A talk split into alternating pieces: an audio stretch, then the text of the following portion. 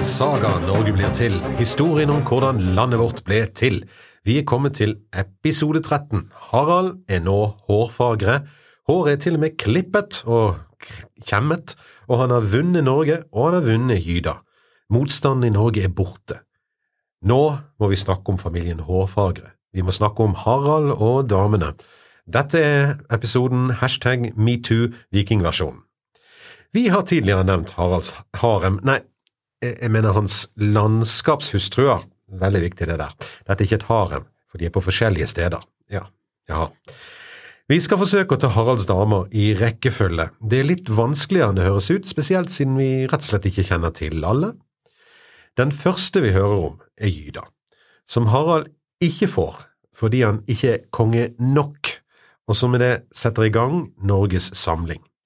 Hun avviser Haralds sendebud, og når de kommer tilbake til Harald, foreslår de at han skal rane henne. Helt greit på den tiden. I stedet velger Harald å ta henne på ordet og samle hele Norge. Gyda er dermed en slags katalysator for denne samlingen, den egentlige landsmoderen. Det er hun som på en måte føder ideen og gir Harald ideen, og dermed er moren til landet vårt. En kan lure på hva Gydas far mente om det hele. Han er jo en av de det ville gått utover om Harald faktisk gjorde dette, og han gjør jo det. En god indikasjon på at han ikke var overbegeistret ved tanken på en svigersønn fra Østlandet, det er jo at han går til krig mot sin svigersønn og øh, svigersønnen Spe, og som vi nå har hørt i episode tolv, taper og dør. I stedet for å få sin gyda i første omgang, gifter Harald seg med Åsa Håkonsdatter, som en del av dealen han gjør med Håkon Jarl i Trøndelag. Vi aner hvor historien om Espen Askeladd og kongsdatteren og halve kongeriket kommer fra. Åsa og Harald fikk etter sagaen fire sønner sammen. Det sies lite eller ingenting om døtre her, men alle sønnene skal ha vokst opp til stor ære. Men Harald hadde ikke glemt Gyda. Når Gydas far er ryddet av veien i Hafrsfjordslaget, sender han folkene sine tilbake for å fri på nytt, og nå har ikke Gyda så mange argumenter igjen. Dessuten, med en død far haster det faktisk litt, så hun blir gift med Harald. De får fem barn sammen, og her må du følge med litt, for ett av disse barna er en jente som faktisk nevnes av kildene. Det er jo litt uvanlig, eh, at ikke at, hun at ikke at hun nevnes, men at hun faktisk får den rollen hun får. Men hun er også et godt eksempel på hvordan Harald holder på makten sin. Datteren til Gyda og Harald heter Ålov. Hun blir giftet bort til sønnen til Ragnvald Mørejarl. Dermed styrkes den alliansen. De får en datter sammen også, og denne datteren blir giftet bort til Håkon Jarls sønn, Sigurd Håkonsson Ladejarl. Hvis du er forvirret over alle navnene nå, så er det bare det jeg forsøker å si, at det har oppstått noe ganske interessant. Alle de tre mektigste slektene i landet, Ladejarlslekten, Mørejarlslekten og ynglingeslekten ved Harald, har nå blitt til én slektslinje. Det betyr at de alle har felles interesse så lenge Harald er på tronen men det betyr også at det er arvelinjer til tronen på kryss og tvers i de mektigste slektene i landet. Det skal vise seg å bli en utfordring i seg sjøl. Slektskap til Harald blir nemlig etter hvert et av de viktigste argumentene for å kunne være aktuell som norsk konge i hundreårene som følger. Dette vil dukke opp i fremtidige episoder, hvis vi får noen. Harald måtte jo også ha en kone på Østlandet, ellers ville Østlandet bli misunnelig på Trøndelag og Vestlandet, og valget det faller på Åshild Ringsdotter, hun var datter av småkongen Ring Dagsson fra Ringerike. Ehm, her er det blitt brukt veldig original kreativitet i valg av navn, altså Ring fra Ringerike. Med henne får Harald tre sønner og to døtre. Dette er området til Haralds mulige bestefar og hans mor og hans onkel Guttorm. Med fem barn på Ringerike og god familierekke der òg, så var arverekken sikret i det området òg. Innlandet trengte så en dronning. I Innlandet var det Øystein Jarl som styrte. Han har vi hørt litt om før, om vi husker godt etter, men nok om det nå. Øystein Jarl starter som jarl i Innlandet og kommer etter hvert til å ta over for Guttorm i Viken når han dør. Han har en datter som heter Svanhild, og det er hun som blir innlandsdronning for Harald. Med henne får Harald tre sønner, og her skal vi nevne navn, for disse er litt viktige. Olav Gjerstadalv, Bjørn Farmann og Ragnar Rykkel.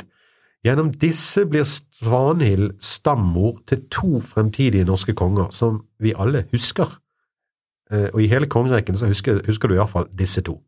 Olav er farfar til Olav Tryggvason, og Bjørn er oldefaren til Olav Digre Haraldsson, eller Olav den hellige, som vi kjenner han som eh, mer ofte, og dermed tippoldefaren til Magnus den gode. Det er altså, det er altså da um, oldefaren til Sankt Olav over skytshelgen.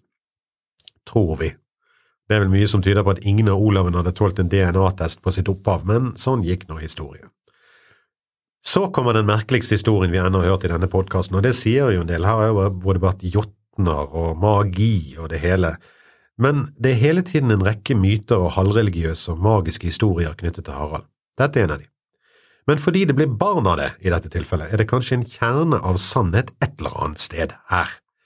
Den kjernen er nok at Harald finner seg en samekvinne. En julenatt i en snøstorm et sted i Opplandene kalt Tofte banker det på Haralds dør. Utenfor står han som omtales som finnekongen eller samekongen Svåse. Han vil snakke med kongen. Kong Harald er midt i julemåltidet og ikke begeistret for å bli forstyrret. Han blir tvert imot rett og slett litt forbannet. Jeg spiser, har ikke huk til å snakke med finner nå, forsvinn! Kongens folk går nå tilbake og sier til Svåse, med respekt, at han får komme seg vekk. Men Svåse er som en klassisk støvsugerselger. Han har fått foten i døren og nekter å ta den ut. Nei, jeg går ikke. Si til kongen at jeg er den finnen som har gitt, han har gitt lov til å sette opp gamme på andre siden av jordet. Jeg har noe å vise kongen. Jeg vet at han vil være interessert. Ja, hva er det du har å vise ham, da? Ja, det er ganske interessant. Ja, men hva er det? Veldig interessant. Ja, men hva er det? Ganske veldig interessant. Svåse holder på så lenge at vaktene gir opp og kongen blir ferdig med måltidet. Nå er han i bedre humør, mett og god og litt småfull. Harald begynner å bli litt nysgjerrig og hilser på Svåse. Ja, herre konge, du må komme bort til gammen min. Ja vel, hvorfor det? Det er noe interessant. Men hva er det? Ganske interessant. Ja, men vaktene stønner og stønner og stønner og sier Herre konge, ikke forsøk, han kommer til å fortsette i det uendelige. Gå med han, eller kast han ut. Mener dere han skal gå med han? Ja. Nei… Kanskje? Det er sånn halvt om halvt med de som mener han bør gå fordi de ikke orker å høre mer på Svåse, og de som mener han bør bli fordi vel, kongen, aleine med en same ute i mørke natten, det høres ikke bra ut. Men Harald går med. Kanskje husker han en finne som reddet han da faren kastet han ut en vinternatt. Kanskje det er andre grunner. Kanskje hvisker Såsøya ham noe i øret som ingen hører. Kongen følger etter som han gjorde som barn. Inne i gammen venter en behagelig overraskelse. En smellvakker samejente tar imot ham med en drikkebolle i hendene, og det er sagaen som sier det sånn, ikke nødvendigvis meg. Hun byr ham å drikke, Harald drikker begjærlig. I samme øyeblikk som han tar første slurk, blir han slått av jentens skjønnhet, og han vil ha henne, han vil ha henne her og nå, men Svåse stopper han. Nei, det er min datter. Den som skal ha henne, må gifte seg med henne. Er du helt sikker på det, jeg er jo kongen. Ganske sikker. Bare én natt. Nei, må giftes. Bare et kyss. Ja, det er greit, men da må det giftes. Bare en klem. Ja, men da må det giftes. En tur i natten. Giftes. Sitte sammen ved bålet. Giftes. Så det er ingen råd. Harald er helt forgapt, han må ha henne her og nå, så denne julaften blir Harald gift, igjen, med den sørsamiske Snøfrid. Det blir en helt vanvittig kjærlighetshistorie. Harald glemmer alle sine plikter som konge, og det er i ferd med å gå helt over styr. I flere år har han bare øyne for Snøfrid, og rett nok, ifølge kildene, er hun den vakreste som går an å se, men er likevel langt forbi det som er vanlig. De får fire sønner sammen på kort tid. Snøfrid og Harald får altså barn. Det som er viktig, er at disse barna får etterkommere som i sin tur får etterkommere, som blir norske konger. Om vi skal tro på de, er alle konger over Norge etter Magnus den gode, altså fra Harald Hårråde og frem til den siste norske kongen før danskene overtar, Olav den fjerde. Alle de er etterkommere etter Snøfrid. Den norske kongeslekten er altså halvt samisk. Og det er greit å huske på for de som… vel, det er greit å huske på for alle, egentlig. Svåse og Harald er altså stamfedrene til det norske kongehuset, og om Gyda er landsmoderen, så er Snøfrid kongsmoderen. Men midt i denne kjærlighetslykken og forvaltningskrisen dør Snøfrid. Det er ikke helt utenkelig at denne døden ble påskyndet av de som så kongen forsømme sine plikter, men det er heller ikke usannsynlig at hun døde en naturlig død. Nå vel, det der blir kanskje litt unøyaktig. Som tidligere vi har sett, naturlig død på denne tiden er alt fra sykdom, via å brenne inne, til å bli hugget ned. Like fullt, Snøfrid dør, og hun dør i sin seng i sine stasklær. Men Haralds kjærlighet dør ikke. Snøfrid er tydeligvis også et vakkert lik, så her blir det evig å tro. Etter døden. Hun er like rød i kinnene død som da hun levde. Nå blir det skikkelig krise. Skikkelig krise, for kongen blir sittende ved hennes side og gjør bare det, han sitter og venter på at hun skal livne til igjen. Det kan jo skje den beste som uh, mister sitt livs kjærlighet, at den blir sittende en stund ved dødsleiet, men Harald sitter der fortsatt tre år seinere. Han har ikke rikket seg, og venter fortsatt på at Snøfrid skal stå opp fra de døde. Men Snøfrid er verken Lasarus eller Jesus, her blir ikke noe comeback eller noen gjenoppstandelse det tredje år. Men det blir en viss oppstandelse blant Haralds menn, det er en understatement. Heldigvis for Harald lever han i en tid hvor han er forhekset, en helt grei forklaring på oppførselen. Men hva er det egentlig som foregår her? Uten tvil så går Harald inn i en dyp depresjon, nesten en psykose over, over sjokket av Snøfrids død.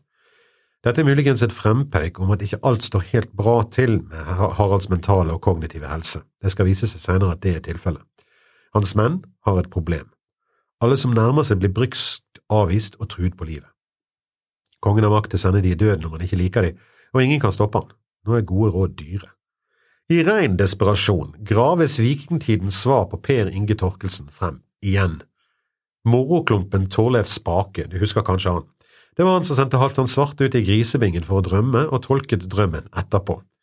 Vi vet ikke egentlig om det er samme mann, der finnes en annen Torleif Spake også, men historien blir mest slik, og navnet var iallfall Torleif Spake. Torleif Spake blir hentet opp og bedt om å gjøre et standup-show igjen, og hans comeback-show er like bra som det første.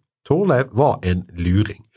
Han går ikke inn til kongen og sier han er gal om å slutte med dette tullet. Nei da, det er her vi lurer på og kanskje aner at han faktisk er i slekt med Per Inge Torkelsen.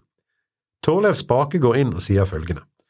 Det er ikke noe rart, konge, at du minnes en så skjønn kvinne og ærer henne på dun og gudevev, men du ærer henne ikke så godt som det sømmer seg.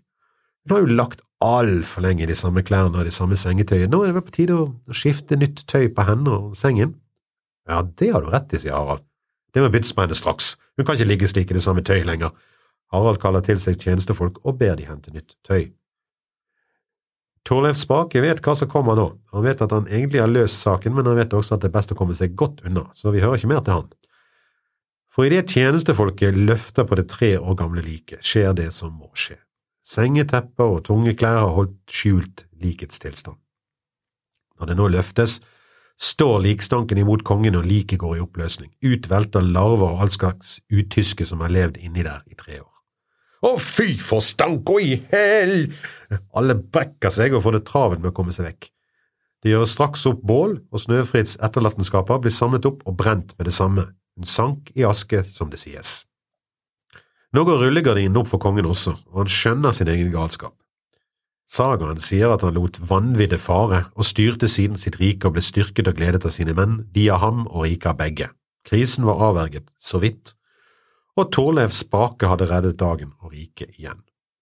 Men trøbbelet etter forholdet var ikke over. Snøfrids sønner ble ikke bare stamfedre til den norske kongeslekten, de ble også en sann pain in the ass etter hvert, men mer om det siden, kanskje. Men gjennom dette et ekteskap med en sameprinsesse har Harald etablert et kongerike som også omfatter den nomadiske samiske befolkningen. Han er konge over alle i Norge, også de som ikke har fulgt resten av befolkningen fra nomadliv til fastboende, ikke bare de som er fastboende bønder, men også de som reiser rundt. Så vidt en kan bedømme, har Harald i tiden med Snøfrid imidlertid forsømt ni andre landskapshustruer. Vi, vi kjenner bare navnet på fire, men det skal være ni. Men det er kanskje denne forsømmelsen som gjør det enklere å inngå ekteskap nummer elleve det skal bli kortvarig, men det skal også gi oss sønnen med det tøffeste navnet i vikingtiden, Eirik Blodøks. Tilnavnet får han sannsynligvis fordi han mm, rydder i Haralds noe rotete arverekkefølge, med øks og brann. Eirik er vel det nærmeste vi kommer en norsk mann med jorden. Men altså, dette er en politisk match på høyt nivå. Det er danskekongens datter Harald nå gifter seg med, noe som vil sikre hans grep på Viken og holde danskene unna. Danene har etter hvert fått en ordning med Wessex i England, og det gjelder å ikke få de på døren igjen. Så han gifter seg med, overraskelse, enda en Ragnhild. Ragnhild Eiriks datter. Faren er Eirik den andre, eller Horik, som han også er kjent som. Altså en dansk konge som heter Horik. Ja, vi lar den ligge. Faren hans heter samme, Horik den første og Horik den andre. Det er ikke bare i dag en kan stille spørsmål ved foreldres vurderingsevne i navnevalg. Så nå får altså Norge enda en dronning, Ragnhild. Hun omtales av noen som Haralds store kjærlighet, men med Snøfrid frisk i minne, så er vel Haralds største deal mer treffende. For å få lov til å gifte seg må Harald gi opp sine tidligere koner. De ni blir nå skilt fra Harald, og Ragnhild blir hans eneste. Dermed har han også sikret seg mot danske angrep på Viken. Det varer i tre år og gir han sønnen Eirik. Så dør Ragnhild, og Harald er singel for første gang siden tolvårsalderen. Eirik blir hans favorittsønn og kronprins, sannsynligvis på grunn av sin kobling til den danske kongeretten. Er det rart at hans eldre og yngre brødre og frender blir litt småirritert? Singel, Harald, mann med elleve kjente og ukjente hustruer, skal nå forsøke singellivet. Det høres ikke ut som noe som vil vare lenge. Men etter Snøfrid og Ragnhild kan det se ut som om haremsdagen er over. Kanskje er sorgen over de to for stor, men mer sannsynlig er det at Harald ikke vil rote til forholdet til danene med en ny allianse. Det finnes en han kunne tenke seg, og det er med engelskmennene. Danenes motstandere. Strategisk gir det god mening, men det er ikke noe giftermål i sikte der. Den neste kvinnen vi hører om i Haralds liv, er noe seinere i livet hans. Hun er mest sannsynlig fra Moster Bømlo, hun heter Tora Mosterstong, men det er ikke helt sikkert, for der, holder, eh, der Harald holder til på denne tiden, på Utstein, heter en øy også Mosterøy. Tora sies å være en av tjenestestaben til Harald og en del av Hordakåre-slekten. Hordakåre var en mektig herse eller høvding i Hordaland. Dermed er det heller ikke helt usannsynlig at Tora rett og slett er fra Mosterøy, der Harald nå bodde store deler av tiden. Men tradisjonen sier Moster på Bømlo. Som vanlig et lite element av forvirring. Men med Tora får Harald nok en sønn, Håkon. Tora er høygravid med Håkon nede i Sunnhordland eller på Utstein når Håkon bestemmer seg for å komme. Tora har gått om bord i skipet til Sigurd Ladejarl for å forsøke å nå fram til Harald før fødselen. Harald er mest sannsynlig på kongsgården Seim i Nordhordland. Hun vil helst nå fram slik at Harald kan anerkjenne sønnen som sin og beskytte han mot mistenksomme og lunefulle halvbrødre. Men Håkon er ivrig på å komme ut, og de blir nødt til å legge til land. De legger til land i det som i dag er Loddefjord i Bergen. Men Bergen var ikke oppfunnet ennå, og når det blir oppfunnet, så kommer det til å hete Bjørgvin. Stedet har imidlertid i 1100 år nå hatt navn etter denne hendelsen. Altså har dette stedet hatt navn lenger enn Bjørgvin og Bergen har funnes. Håkonshella. Her blir Håkon født. Der var intet herberge, ingen stall, ingen engler, ingen krybbe og ingen stjerne. Gjetere var det nok. Likevel er det noen paralleller, for det er frelseren av Farens rike som fødes her, og det som skal bli Norges første kristne konge. Det må tre av dem til før Odin pensjoneres og valkyriene slutter å fly, men han er den første. Kanskje får også Tora og Harald et barn til, men det er usikkert. De sju forholdene vi kjenner til, har altså gitt 24 barn som vokser opp og som vi kjenner navnet på. I tillegg er det fem landskapshustruer vi ikke vet noe om, men de har da sannsynligvis heller ikke gitt barn som vokser opp eller gjør seg bemerket. 17 av disse barna er gutter, gutter som alle har et rimelig krav på tronen. For mange kongehus er problemet å få én mannlig arving, eller en arving i det hele tatt. Men historien videre skal vise seg at det har sine utfordringer for for mange arvinger også. Det var denne episoden, og i neste episode skal vi høre hvordan Harald håndterer det når sønnene etter hvert kommer i trassalderen. Trassalder med vikingskip, sverd, skjold, ild og brann. Et hint, det handler om ære, og det handler om lommepenger. Dette er Saga Norge blir til, og dette var episode 13. Du kan sende spørsmål og kommentarer til tom.christer at gmail.com.